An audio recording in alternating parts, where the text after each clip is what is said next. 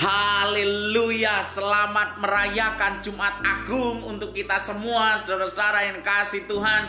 Salam jumpa dalam uplifting 2 April 2021. Saudara yang kasih Tuhan membicarakan kematian Yesus bukan hanya membicarakan tentang pengajaran dan iman Kristen, tetapi juga akan memperhadapkan kita dengan kontroversi-kontroversi yang katanya Yesus bukan manusia lah, yang katanya Yesus itu sosok seperti hantu lah, yang katanya Yesus gak mati lah. Tetapi saya mau katakan dengan bangga, Yesus itu Tuhan. Tetapi di sisi lain keilahiannya yang sejati, Yesus juga manusia yang sejati. Yesus 100% manusia.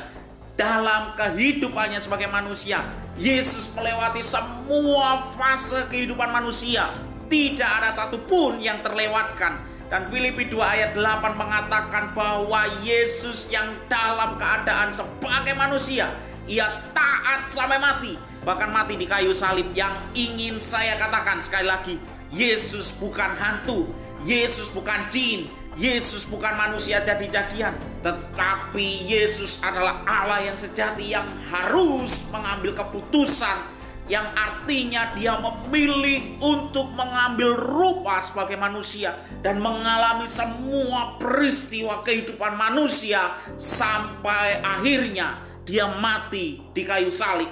Lantas apa untungnya kita mengetahui hal ini yang saya mau katakan saudara-saudara ini kasih Tuhan. Kita tahu bahwa Yesus adalah Allah yang mengambil rupa manusia. Artinya dia tahu dengan persis apa yang manusia alami, dia tahu dengan persis apa yang manusia rasakan. Dia juga tahu dengan persis apa yang menjadi kebutuhan manusia. Jadi saudara-saudara yang kasih Tuhan, Yesus yang telah menjadi manusia itu, yang kini telah kembali ke tempatnya yang semula menjadi penguasa sorga. Dia bukan hanya tahu apa yang manusia butuhkan, tetapi dia juga punya kuasa untuk memenuhi kebutuhan-kebutuhan manusia. Haleluya.